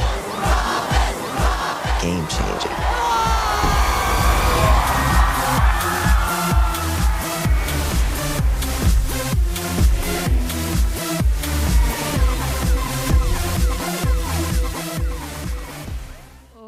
Denne filmen var kanskje uh, det største i verden da den kom ut i var det 2012. 2012, ja. Ja, det, eh, jeg husker at så alle guttene på ungdomsskolen var sånn ah, Project X! Uh, jeg trodde eh, det var på en måte helt mayhem. Den var en cultural reset, for å bruke et bra engelsk begrep. Kan jeg si at jeg aldri har hørt om denne filmen her før? Hæ? Lars? Nei, jeg, jeg, jeg, jeg har ikke fått med meg eh, Du kødder? Nei, nei, nei, nei. Det er godt jobba. Ja, ja, men jeg, jeg syns det var gøy å komme inn helt blindt. Jeg visste jo ikke hva filmen skulle handle om. Og det jeg syns var veldig interessant, er at dette er jo en av eh, Den har et gjennomgående tema som vi ser i de fleste festfilmer, er at det, jakten på sex. Liksom, du har Ja. alltid nerdene som liksom Og nå, det, nå er det deres sjanse til å endelig få seg et ligg. Eller liksom endelig få seg noe. Og det er liksom noe du ser i de fleste festfilmer. Det skal også nevnes at den er um, Todd Phillips Mm. uh, produsert. Uh, og han er et navn vi skal nevne igjen senere, så han, han liker denne sjangeren. Og han er jo uh, også nevnt fra drikkeleken. Hvis du syns Joker er kul, eh, så er jo også Todd Phillips innenfor din, ditt fagfelt. Ja. Um, men det jeg syns er kult med Project X Jeg husker også veldig godt det du sier, Embla, om at den var så stor. At det var så mye greier. Jeg så den ikke selv, uh, men jeg husker at sånn, det var mye greier eh, rundt den filmen. Og den var også basert på ekte Eller de har sagt nei, at den ikke er basert på ekte hendelser, men den er veldig tydelig basert på en annen sånn hjemmefest som skjedde i Australia. eller noe. Og den er så legende! Og så avsluttes jo eh, filmen også med et sånt live news, eh, nyhetsintervju, eh, som er sånn en direkte kopi av det intervjuet som ble hatt med han gutten som hadde den originale festen også. Og det intervjuet ligger på YouTube, så bare eh, søk det opp sånn eh, Real Project X-interview. Fordi han fyren er en sånn australier som er bare sånn Han har stilt opp på nyhetsintervju i baris og solbriller. Og av en eller annen grunn så vil intervjueren at han skal ta av de solbrillene for å si unnskyld i kameraet til naboene sine, og han er sånn Nah, nah, my glasses are cool. I'm gonna så- keep them on. Det er så power move. Det er, så, det er kjempegøy. Eh, så uh, dette er på en måte en hjemmefest som går fullstendig fullstendig ute av kontroll. Eh, og det er jo en sånn Litt sånn som mm, 200 Secrets også. Den der eh, Kommer det til å komme noen folk? Vi vet jo hva filmen handler om, så vi vet jo at det kommer folk. Men det er liksom første halvdel av filmen Eller første kvartedel av filmen handler veldig mye om at Thomas er redd for at han skal ha nerdfest. Mm. Så Costa, bestevennen hans, som ser helt ut som Jonas fra Skam eh, sånn, hun, Det er samme fyr. Han ser ut som en gammel mann. ja, på en måte også. Eh, han, er sånn, han legger ut den festen på da Craigslist og forteller det til absolutt alle på skolen. Altså, at det sender skal ut komme- sånn masse, masse SMS. Og han har også annonsert den på et radioshow. Jeg syns det er kjempegøy. Men jeg, jeg må bare skyte inn på at en av gjestene han får, eller som, Ja. de, som møter på butikken, det er jo faktisk Miles Teller. Legende. Og det, liksom, jeg, det, det vi skal si, er at alle karakterene har samme fornavn som skuespillerne har. Bortsett fra Costa. Ja, bortsett fra Costa. Men så de sier 'Oh, it's Miles Teller' når han jobber på matbutikken. Og det er sånn, du forventer, liksom, I dagens tid da, så forventer du at eh, å ja, det er på grunn av at han er veldig kjent og han jobber i matbutikk. Haha, så morsomt. Men dette var jo en av hans tidligere roller før Whiplash. Oi, var det det? Så det Ja, var ja, ikke fordi han var kjendis? Nei, det akkurat det. Er akkurat det. Bare, oh, it's Miles Teller. Det, men det er bare det er på at han er en vanlig person. Men det tenkte jeg på når jeg så den, Fordi når de er sånn Oh my god, it's Miles Teller Og så er det sånn He's like uh, the quarterback altså, Han var sånn kjent for å være sånn fotballfyr Så var jeg sånn ha-ha-ha Han er kjent for å være fotballfyr, ja Men det er som du sier, han var jo ikke big, big business da Så det er ekstra gøy at, eh, hvordan den filmen har aget med at han har blitt superstjerne. Mm. Fordi uh, det er liksom et stort moment at han kommer til festen i sånn limo med masse jenter og er sånn Se på alle jentene jeg har tatt med! Se på alle jentene jeg har tatt med! det, Jeg elsker jo mockumentaries Det er en av mine favorittsjangre. Jeg synes det er skikkelig gøy Og jeg syns det, er liksom, ja, eh, det åpner for veldig kul filming Og kul sånn nærhet. Mm. Og det er sånn hele filmen er, prøver å være sånn found footage-type dokumentar. Og, eh, og det betyr også at det er veldig mye sånn videoer fra fester Og ting som er veldig sånn Føles veldig genuint og veldig ekte. Eh, Og det får jeg en ordentlig følelse av. Så jeg tror veldig på at denne filmen eh, selv om jeg vet veldig godt at det er fiktivt, så får jeg sånn innblikk i en ordentlig fest. Og det syns jeg var skikkelig godt, uh, godt jobba, da. Jeg synes det er veldig interessant at du liker det på at når jeg først begynte å se film de første ti minuttene Jeg hatet denne sånn fan footage-stilen. Uh, Men liker du mockumentaries? Ja, ja, men jeg gjør det, men jeg syns det, det jeg, jeg bare likte ikke på starten, men utover filmen på at det viser at de, de er ikke bundet av at du må være med kameramannen. De har kameravinkler som ikke er fra Dax, da, som Men- er kameramannen. Ja, for det er de jo veldig flinke på, at de Mm. også begynner å bruke mobiltelefoner og sånn. Det, det, det er akkurat det. Så, så de, de kommer seg liksom, Det er det største problemet, at det av og til blir filmer for bundet av det elementet de bruker i filmen. Men her så et, De bruker det bra, men de er ikke bundet av det. Og det som også er gøy, Dax er veldig lite med. Så han skuespilleren har sikkert hatt tre opptaksdager, fordi han filmer seg selv litt i speil, og så ser man litt på slutten. Han sier nesten ingenting. Han er bare sånn raring. Så du glemmer litt at Og de tre guttene er ikke egentlig venn med han heller. De har hyret han inn fordi de skal hjemme alenefest, og de vil at det skal bli filmet. Eh, men det jeg syns er absolutt eh, Jeg vil si denne filmen Jeg trodde ikke den skulle være så gøy. Eh, jeg lo meg i hjel. Jeg syns den var kjempemorsom. Men det jeg syns var aller morsomst, det var at jeg hyret inn to sånn sjetteklassinger som security. Og jeg bare sånn det er, De har med nunchucks og tasers, og det er og de er så små, men de tar det så seriøst, det sikkerhetsoppdraget. Og jeg lo meg i hjel hele tiden. Det var så gøy. Husker dere TV-serien Friminutt? Ja. På Disney Channel? Ja, ja, ja. Det, Det er friminuttsvibes! Ja! På, på det, det, det, det er en barndomsdrøm hvor det var sånn der Dette er sånn som barn forestilte seg at eh, fester og voksenlivet er. De tar det så seriøst, og jeg føler det er sånn friminutt bare i voksenversjon. Jeg, jeg synes det var den, den, den tar seg ikke seriøst, og det bare går mer og mer off the rails. Og til slutt bare blir sånn Ja, nei, jeg syns den var overraskende bra. Ja, for Det er en veldig bra sammenligning, for det føles litt som friminutt. Det føles jo ikke som på en måte ekte liv. Det er barn som gjør helt sånn absurde ting. Um, og det er en, sånn, en veldig morsom scene hvor Costa på en måte hovedpersonen, vil jeg si. Mm. Eh, han som på en måte er uh, masterminden bak alt dette. Uh, um, hyper opp disse security-folka. Eh, som bare jeg vil si er sånn ti av ti komedie. eh, og som har holdt seg så bra ti år etterpå. Eh, Costa er en legendekarakter, og jeg syns skuespilleren er dritflink. Hvorav jeg syns Thomas, som egentlig er hovedperson, ikke egentlig spiller eh, så bra. Mm. Nei, det, det er det jeg skulle til å si. Er liksom, som du sier, Thomas er jo hovedpersonen, men så er det egentlig Dax som driver hele historien. Costa. Nei, nei, Costa. Ja, Jeg blander Dax er jo Ja, nei, to replikker i hele. men- han driver jo også filmen, siden han filmer. Jo, men at det at Costa er så stor person, selv om han er sekundær karakter, egentlig, hvis du ser på det, jeg synes det er en veldig sånn interessant måte å løse en film på. Eh, Jeg vet ikke, jeg bare syns det var veldig Mm. gøy. Og, Men jeg er litt uenig med deg, Embla, for jeg syns at Thomas er ganske god. Fordi han er den liksom kleine sånn Han har ikke bedt om dette. han var bare sånn, han vil gjerne Han vil eh, han vil være populær og kul, men han vil egentlig ikke gjøre jobben. Eh, vil, og, og så ville Costa kanskje gjøre jobben altfor mye, eh, eller ikke forstå konsekvensene av sine handlinger. Men jeg synes at det ble jeg liksom slått av. Og eh, det som også er kult med denne filmen, her, er at det er veldig mye open casting. Og det er veldig mye folk som aldri har vært skuespillere før. Um, han som spiller Thomas, han måtte gjennom syv auditions før han ble, eh, fikk rollen. Men ellers så var det som alle bare sånn De bare sendte inn, eh, og så fikk de rollen. Og det er veldig kult. Og jeg synes at sånn, for eksempel utover filmen er skikkelig god på å vise tidsaspektet. At eh, når det begynner å bli ganske sent, de har holdt på en stund, ting har gått ganske dårlig, eh, det går ikke så bra med dem lenger, så ser jeg syns de ser ordentlig sliten ut. Mm. På den, på den fylla-slitenutheten.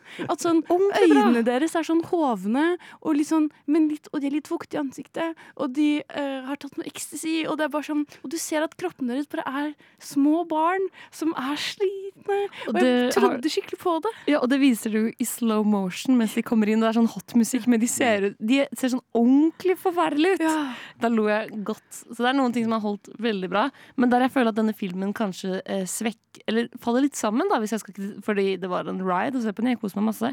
Men der den ikke helt vet hvor den skal, føler jeg er slutten. Mm. Fordi når ting, det kommer jo nyhetsbyrå, ting tar fyr, det blir opptøyer, det går langt, liksom. Så vet den ikke helt hva den egentlig vil si. Men, men det er liksom sånn som jeg nevnte, sånn som jeg nevnte tidligere, da. At eh, noen filmer trenger bare good vibes. At det, fest, liksom, det er bare en unnskyldning for å ha en god festfilm. Og det, er ak liksom, det, var, det var denne filmen jeg hintet på, da.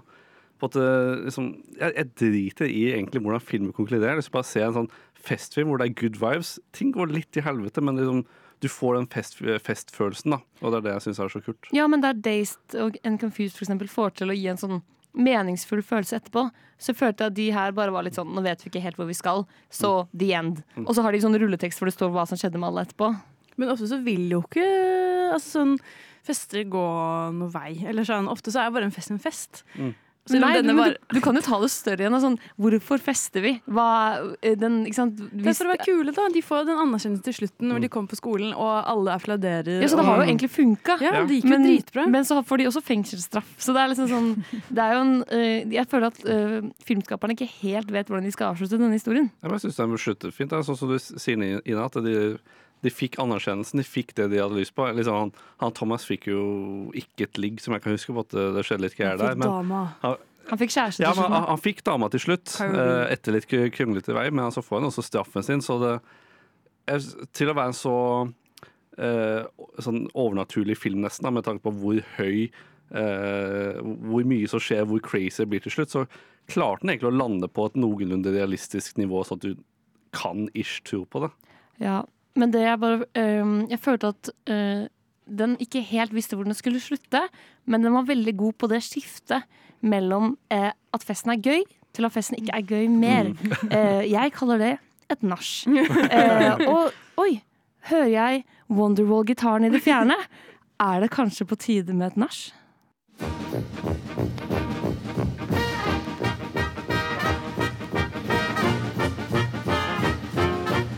Og jeg har lidd av Ja, først har jeg operert for nyresten, gallesten og blindtarm i buken og svulst i underlivet. Så har jeg hatt tre ganger mavesår og en halvdød skjoldbruskkjertel og syv dårlige skiver i ryggen. Og så har jeg hatt hjerteinfarkt to ganger og angina pectoris én gang og sukkersyke. Og nå er jeg bra. Radio Nova. Hopper der andre hinker. Du hører på Nova Noir på Radio Nova, og her sitter jeg, Embla, Ina og Lars i studio og har eh, hatt en heidundrende fest. Eh, wow! Eh, fordi vi snakker om festfilmer. Eh, og vi har kommet oss gjennom vorsfesten, og nå er vi eh, på nachet. Eh, og eh, vi har jo glemt å nevne, men vi har jo spist typisk festsnacks i studio. Vi har spist chips, vi har spist eh, popkorn. Eh, og nå som jeg er på nach det er jo liksom, jeg vet ikke, Er dere glad i nach? Eh, Jeg har hatt nach én gang. Én gang? Ja, ja, men det Vært var- på nach en gang, eller hatt nach en gang? Eh, Begge deler. På at det, det var hos meg. Ah. Eh, og vi satt opp til klokken sju og bare prata på kjøkkenet. Spiste ikke noe, drakk litt, men det var veldig Det var ikke så veldig mye som skjedde, egentlig. Jeg føler det er et veldig godt oppsummert nach. Det er jo det, egentlig. Jeg føler nach er når man, du har enten vært ute eller vært på fest, og det er klokken har bikket tre, da. Eh, og det er ikke mulig å gå ut noe annet sted lenger fordi byen er stengt. Men da drar man hjem, og så har man som regel da ikke med seg nok drikke. Fordi du har ikke lov til å ha med deg det på byen. Eh, og eller du har ikke regna at du skulle ha nok til nach. Så man har kanskje tre øl da, på mm, litt for mange mennesker. Og så er det egentlig bare fordi man, og spesielt om sommeren så er nach en sånn evigvarende følelse, fordi jeg føler at når det er lyst, så kan man være våken hele tiden. Mm. Føler jeg i hvert fall veldig mye på. Da, at sånn, når klokka er tre, og man egentlig skal hjem, så er jeg sånn Men herregud, det er jo lyst. Ja, da får jeg dra jeg, hjem da? jeg får så panikk av den der sommernasjet. Fordi jeg får sånn rar virkelighetsoppfatning. Sånn, hvem er jeg? Hvor er jeg? Oi, da, så- du går sånn meta Ja, fordi det er lyst, men det er natt. Det er veldig rare, veldig rar ting. Men jeg er ikke så glad i nach, og jeg føler det er fordi det er en desperat, trist stemning. Og det speiler også litt den filmen vi skal til. At liksom, sant, vi har vært på Project X-ting, det har vært jævlig gøy, det har vært eh, ild og flammer, og, men så kommer vi til nachet, og så blir- kommer liksom de vonde relasjonene og den eksistensielle angsten opp. Eh, men før vi snakker om de vonde relasjonene og den eksistensielle, eksistensielle angsten, eh, så er det jo som et vanlig nach eh, noe ekkel sprit. Så Lars, vær så god. Jeg har tatt, frem, jeg har tatt med Jeger til dere. Å! Jeger er min favorittfavoritt. Gir du den til Ina, Lars? Der, ja. Nå deler jeg ut eh, hvert vårt shot med Jeger. Jeg har målt nøye opp. Det som er skummelt, er at du har brukt altfor store glass, så Ja. man Ja. vet egentlig ikke om dette er riktig. Men- det ser lite ut, men er det det? Jeg, kan, jeg har med et shotglass okay. som okay. jeg brukte for å måle okay. opp. ja, Så dere kan stole på meg. Lukten i studio nå er litt sånn rar. Ah, ja, det Men før vi begynner å snakke om det som en gang var, så tenker jeg vi eh, kjører nachspiel og tar, tar denne Jegermeisteren. Den er god. Skål! Skål, skåler vi for? Vi skåler for det som en gang var. Ja. Uff, da. Å, skål! skål! Mm. Å, jeg liker Jeger. Jeg syns det smaker godt. Jeg syns Jeger er digg. Det var ikke like ille som jeg husker, egentlig. For en nydelig start.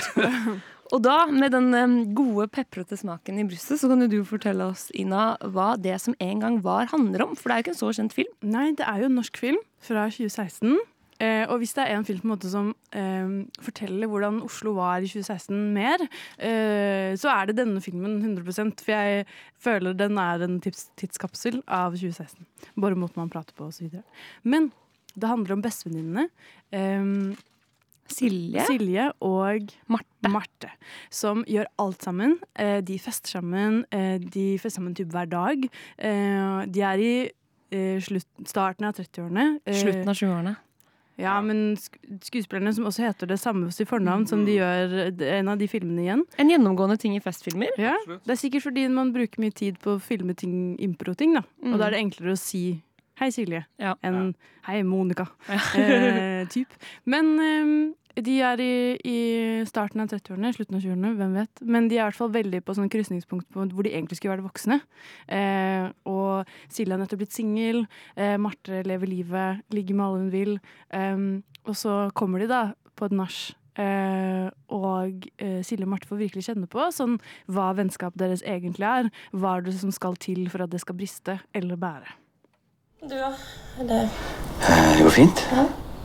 har du møtt noen spennende mennesker, eller? Eh, jeg, jeg har vært på date. Du har vært på date. Vært på date. Det var skikkelig dritt. Eh, så det skal jeg ikke gjøre igjen. Det enda mye bedre å på, dra på byen. Dra på byen når jeg er drita full. Eller, det er der man finner dem, vet du. Å ja, ja. Så du var hos Marte, i går? Nei, jeg var smart i går, ja. Oi, oi, oi. Ok. Nei, nei, uff, uff, ikke sånn. Jeg er helt Jeg, jeg kommer nok til å være her for meg sjøl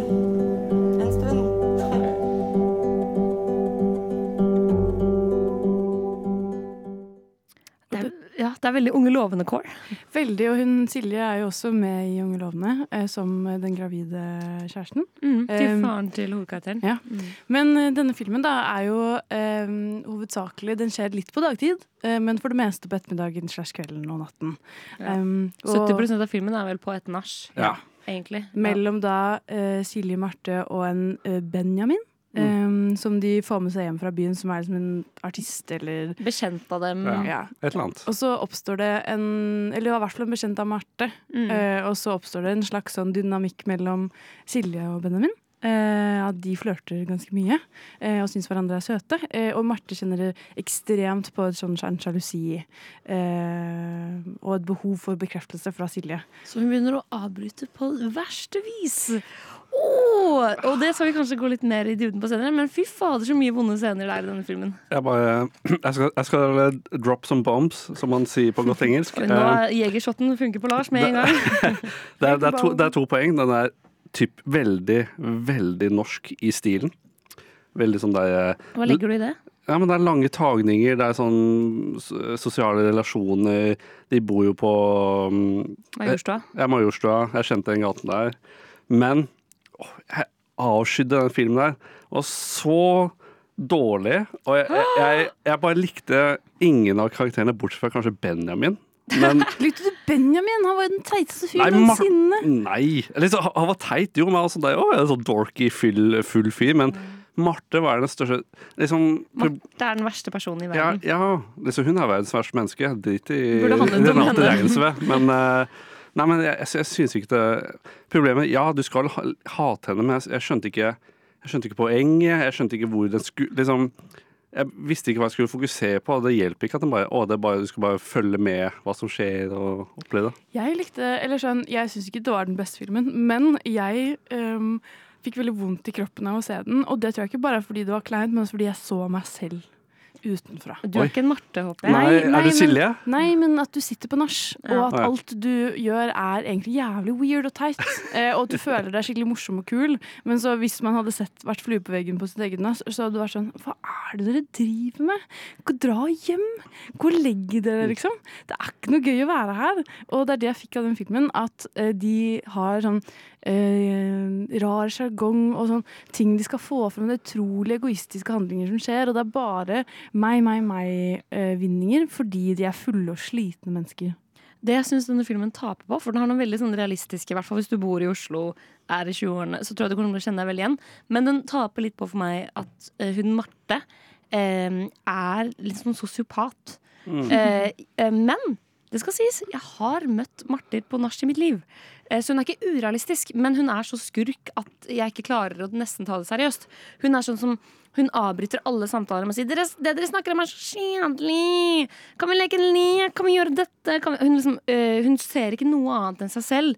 Og hun er helt sånn og når hun blir irritert på Benjamin fordi han liker Silje bedre enn henne, så stenger hun han fysisk ute av nachet. Eh, hun er på en måte så skurk at det er vanskelig. Men det var én scene jeg klarte å ha sympati for henne. Og det er at hun inviterer dem dit for hun skal lage piña colada.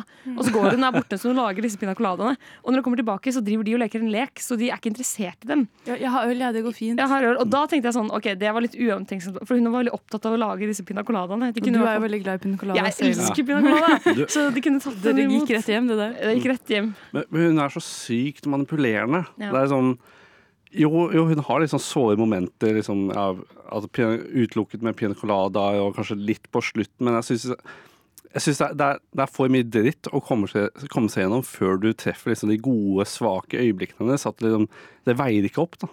Jeg bare syns at denne filmen viser eh, Ikke at alle vennskap, kvinnelige vennskap er sånn, men mange kvinnelige vennskap kan være sånn. At man blir, og jeg selv føler selv jeg har vært i det, at man blir ekstremt avhengig av noen.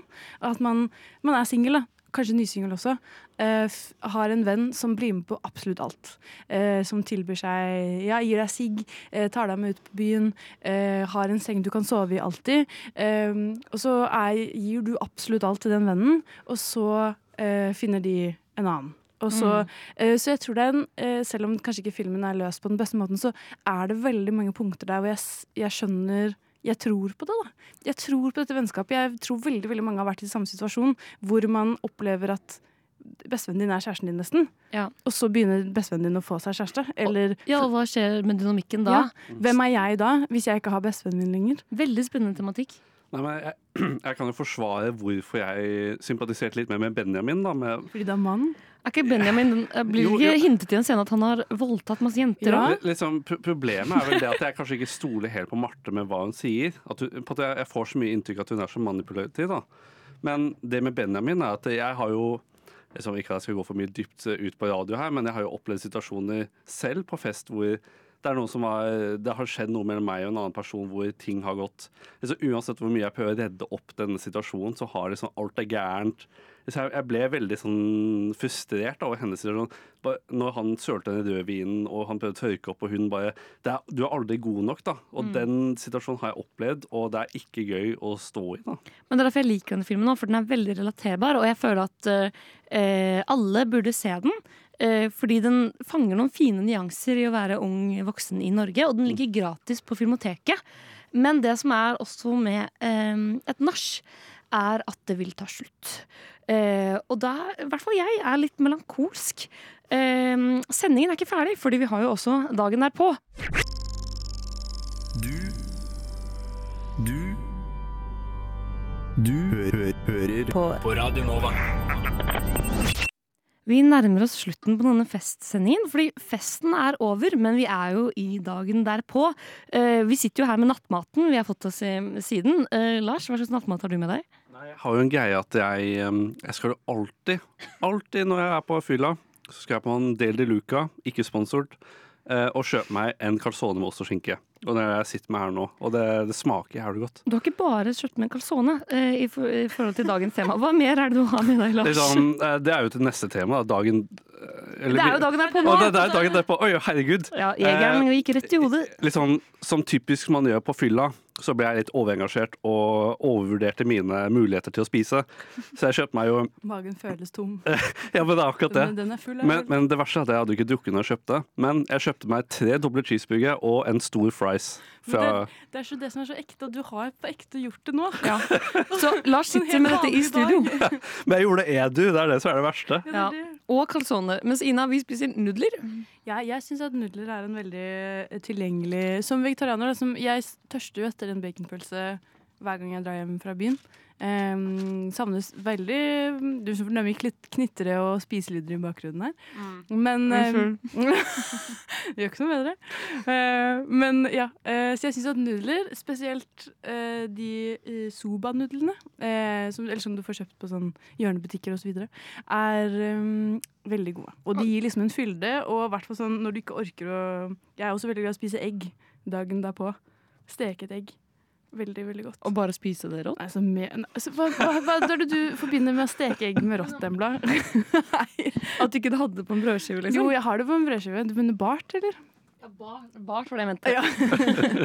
Men, eh, Rått, ja. Ja, rått. Steke det rått. Mm. Men steket egg har det på en brødskive. Litt salt og litt parmesan. Nydelig. For Ja. vi er jo dagen derpå nå. Mm. Eh, Det var kanskje ikke en så god idé at vi skulle ha med masse mat i studio, for nå vi jo spiser som gærninger mens vi prøver å snakke her. Det blir så ASMR-sending. Det gjør det, men det er ordentlig ekte. Vi har vært gjennom en full sonisk reise med dere. vi er slitne. Mm. Det er dagen derpå. Eh, Men hva er den ultimate dagen derpå-filmen, Lars? Nemlig? Det er jo så klart uh, The Hangover. Ja. Og uh, hvis vi nå i fellesskap da skal prøve å forklare hva The Hangover handler om, så er det jo et uh, bachelor party. Um, en fyr skal gifte seg, og han drar til Vegas med sine beste venner, og så går det gærent. Uh, what happened last night?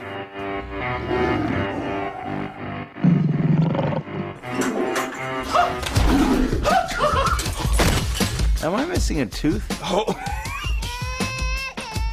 Whose baby is that? Check its collar or something. I looked everywhere. Nobody's seen Doug. I don't think I've ever been this hungover. What's on your arm? You were in the hospital last night. The only important thing now is that we find Doug. Ja, og vi er jo på The Hangover, og det, det, det er mye likheter å trekke mellom denne her og Project X. da. På at Project X var jo Todd Phillips. Ja, men Project X var produsert av Todd Phillips. Tenk at han lagde Project X og Hangover for å gjøre seg klar for Jo, Joker. Jo, den her denne var regissert. Det er to forskjellige ting. Men, men i likhet da med Project X og på Nei, det var jo um, en annen film. Var det? Hvilken, hvilken film var det som hadde disse bildene på slutten? Å ja, 200 Cigarettes. Ja, ja, men, eh, Denne festen har bare blitt et blur av bilder. Ja, ja, ja, ja, men i, I likhet da med disse festfilmer vi prater om, så er det jo mye som skjer, mye som glemmes, men så kommer det i en sånn bildekollasj på slutten. da.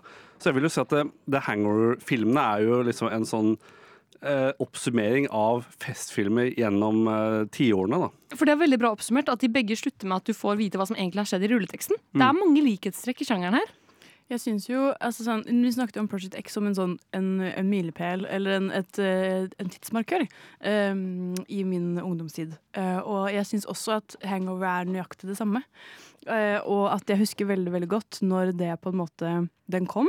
Og også uh, hvor stort det var, og hvor mye den har blitt referert, og sånn hvor store disse skuespillerne har blitt i ettertid også. Um, og jeg syns- Bradley Cooper. Ja. Bradley Cooper, uh, Galifianakis, uh, eller hva han heter. Between Two Ferns. Zack. Zack, ja. Eh, og han tredje. Ed, Helms. Ed Helms. Ed Helms, ja. Um, helt rå fyrer, eh, og lagde denne filmen som um, ja, Yes, når jeg har sett den i 2023-øynene, så jo, føler jeg jo at jeg har sett denne filmen en million ganger. Og det var den sikkert også når den kom, men jeg følte den var en slags sånn det er så veldig, Denne sjangeren av film kjenner jeg så godt. Mm. Og jeg føler at de var med på å sånn starte den. Ja, det er litt sånn uh, forgjengeren til filmer som Superbad og sånn. Føler jeg. Eller nå, nå kan jeg bushe, for kanskje Superbad kom Superbad først. kom først. Ja, Gjorde den det? Så kanskje den Superbad er først, da. 2007, var Så det? denne følger, fordi Hangover er 2009.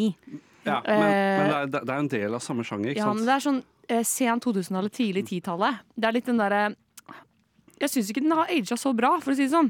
Det, det, det er det som er så gøy. på at Jeg nevnte jo at jeg hadde sett uh, Oceans Eleven tidligere. Og jeg, jeg sammenligner egentlig den ganske mye med Hangover nå.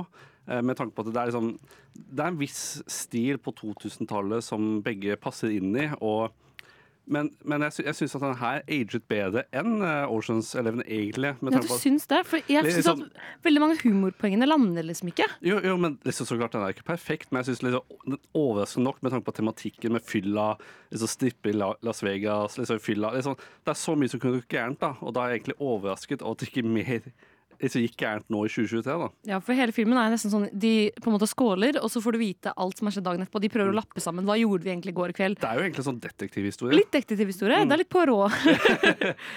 Men jeg bare syns at uh, det det var ikke et eneste punkt hvor jeg lo sånn høyt. Nei. Mens det var litt Project X, selv om den er nesten like gammel.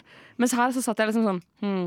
Det er blant annet sånn punkt der de skal sånn, De finner at de har en tiger på badet, og de må levere tilbake den tigeren, og, og de later som de har sex med den tigeren, og så kommer det plutselig liksom en person ut fra badet. Den føles litt sånn Um, sånn smålig rasistisk tidvis. Både rasistisk og sexistisk. Jeg føler ikke at den har liksom tålt dagens lys like bra. Eh, og jeg hadde sett den før, og da husker jeg den som sånn ha-ha, gøy. Men jeg så den igjen nå, så syns jeg ikke noe, noe er særlig gøy. Jeg så den jo dagen derpå eh, selv. Um, selv om jeg ikke blir sånn veldig fyllesyk, men jeg syns det var veldig slitsomt. Ja, du gjorde Det er det. mye greier. Og det er mye roping og skriking osv. Og det er ingen jeg liker så veldig godt. Men det jeg syns er mest sjokkerende, er at det fins eh, opp, to oppfølgere. Mm. Hva faen handler de om? Har dere sett de? Ja, jeg har sett Det er, det er lenge siden jeg har sett dem, men jeg har sett Han får tatovering i den ene. Ja, han, får, han eh, Ed Hems får Mike, sånn Mike Tyson. Tyson-tatovering. Ja. Men sånn avslutningsmessig, da. Uh, nå har vi snakket om masse forskjellige festfilmer, og det er jo vanskelig å pinpointe et budskap. Hva føler dere denne filmen her egentlig handler om? liksom, hvis jeg skal være kynisk, da, så er det jo det at eh, ja, ting, liksom, Du har jo Crazy Fest hvor ting går til helvete, men ting ordner seg. Ja. Men eh, liksom, hvis jeg skal være helt ærlig, så føler jeg at eh, du, du burde ikke se så dypt inni disse festfilmene. Det er egentlig bare for en good vibe. Haha, de, liksom, de gjør noe helt wacky shit, så at du slipper å gjøre det sjæl på fest. Men jeg føler en bra festfilm har jo liksom en god eh, undertekst, og det er kanskje det denne her mangler. da Jeg sitter ikke igjen med noe. Nei, det er absolutt ikke. Dette er jo en sånn tåpelig 2000-tallsfilm hvor eh, ting ordner seg urealistisk på slutten. Eh, så hvis jeg skal være helt ærlig, så syns jeg egentlig at det, den med best uh, avslutning er kanskje Days and Confused. Ja. Vi har vært gjennom en lang, lang fest. Vi er utrolig slitne. Det er sikkert du også lytter. Eh, men vi er ikke helt ferdige ennå, eh, så ikke forlat oss. Er Inglourious Bastards den beste Tarantino-filmen? Nei, det er jo ikke det. Det er ikke det. det er, er det noen som mener noen av dere det? Nei. Sånn helt Ja. Du mener det? Ja. Film er best på radio. Nova Noir. Tusen takk for en fin kveld, eller hva, folkens? Det her har vært en helaften. Wow. Ja. En kveld å huske. ja, altså som vi har vært på vors, der vi så Days and Confused. Eh, vil dere si det er den beste filmen? Ja. Ja, for, sitt, eh, for sin kategori, så vil Ja. jeg si det. Mm. Jeg syns også Project X gjorde seg godt som festfilm. Ja, men Enig. eh, Men solid vors, andreplass. vors er ofte det beste, og det syns jeg Days and Confused eh, leverte på også. Eh, Så var vi på fest, så 200 Cigarettes. Det var den litt sånn rotete veien til festen. Eh, Kom oss på festen. Project X, det var legende. Eh, Tok helt av. Eh, Så var det litt sånn trist nach eh, med det som en gang var. Ja. Og så en litt sånn eh, rotete, kaotisk dag derpå med The Hangover. Hangover! Hangover. Sier alle, for nå går det fort her. The Hangover. Yes. Men hva føler dere eh, vi har lært om festfilmsjangeren, da? At den er øh, vanskelig Mm. å, å fange. Men at det er mulig. Men at eh, folk ofte skyr unna sånn den vanskeligste delen, som eksempel er selve festen. Jeg, jeg kan jo si at for min egen del altså reflekterer den meg ganske godt, egentlig, med tanke på at jeg, jeg er jo ikke en festperson i det hele tatt. Jeg er jo en fyr som drar på nach, og så drar jeg hjem ja, når klokken slår tolv. Ja. Ja. Hatt et nach. Et nach. Og liksom, det var på at folk var hjemme hos meg, og jeg turte ikke å kaste ut. ikke sant? Ja. Eh, så altså, eh, ikke forventet nach. Så, Mm. Og det er liksom jeg, jeg, jeg lener meg veldig mot de liksom litt uskyldige i festefilmer, sånn som han Thomas i Project X. Ja. Men jeg syns at ø, festefilmer er undervurdert når det, kommer, når det gjelder det å komme i stemning. Mm. Fordi det å se det gjorde at jeg liksom bare har vært sånn skikkelig gira hele uka. Jeg syns det er liksom, eh, så stemning, spesielt Days and Confused og Project X. Jeg ble veldig sånn Faen. øh, det er liksom nesten litt sånn nihilistisk. Man er sånn, Vi lever bare nå. Ingenting betyr noe, så la oss bare ha det gøy. Og det er litt der det er filmene lander òg. De har ikke så mye å si om livet annet enn uh, dette kan skje. Det er det som er problemet, at det, liksom, det blir jo litt sånn ansett som billig humor, hvis jeg kan si det på den måten. Uh, og jeg føler at i dagens filmsamfunn uh, så lages det liksom Jeg føler alt må ha en litt sånn dypere mening nå i, nå i 2023. da, At det er liksom litt vanskelig å finne plass til disse filmene som bare trenger sånn Ja, vi trenger bare noe enkel underholdning, da. Ja, for sånn Aftersun hadde jo ikke vært Aftersun hvis greia bare var Vi er på ferie, det er Granca, alt kan skje. Ja, nei, men eh, jeg mislikte jo Aftersun like mye som jeg mislikte eh, det som en gang var. Ok, Så det vi har lært om Larsen, er at han ikke liker ting som har en emosjonell rot. Nei. Nei, jeg, jeg har nok i mitt eget liv, så jeg trenger jo ikke Men jeg syns at eh, den, det, det som en gang var Det er litt rotete tittel, men jeg synes at den, eh, den hadde jeg jo sett før, og den overrasket meg. Så hvis jeg skal dra ut noen filmer jeg er sånn Se den! Så er den på lista. Eh, for jeg syns den, den ga meg et perspektiv på festkultur som var etterlengtet. Litt sånn, når jeg så den, så tenkte jeg at det var veldig deg, Embla. Du følte Eh, det? Ja, ja, ja. Du, du elsker jo sånne filmer som er sånn Ja, trenger ikke ha så hovedplott, men det bare følger med og sånn. Som Days and Confused også. Ja, og, og Aftersun, da. Liksom, hvor det handler om relasjoner, og ikke hva, liksom, hva eh, endemålet er, da. Så konklusjonen er kanskje at eh, de fleste festfilmer prøver på en måte å fange en sted og tid mer enn at de har en sånn hovedplott. Men at kanskje de beste likevel klarer å snirkle inn noen eh, litt eksistensielle tematikker som Mm. gjør at du likevel føler noe etterpå. Absolutt. Eh, det var veldig god oppsummering, egentlig. Tusen takk. tusen takk Har dere hatt en gøy fest eh, her i studio, da? Absolutt. Det er jo som en ikke-festlig person, så syns jeg at det var en veldig god fest. Jeg føler jeg har vært gjennom alle fasene på ekte. Jeg, jeg føler så at jeg kommer tilbake full circle. Jeg endte Ja. opp tilbake på dagen der på stemning. Som var jo sånn vi kom, ankom i studio i dag. Var at vi var litt fyllesyke, og nå er vi det igjen. Vi lærer ikke. Nei, eh, jeg håper alle andre har hatt en god fest, og så må vi festes igjen. Eh, minner om at eh, Nova Noirs drikkelek veldig snart kommer på Spotify, så da bare følg med på Instagram. Og enn så lenge så vil jeg bare si tusen takk for oss. Vi har vært Ina Sletten. Lars Beneskram. og Embla Aaslein. Eh, og for en kveld det har vært. Tusen, Wow. tusen, Woohoo. tusen takk for oss. Takk for nå. Rock on! Skål! Skål!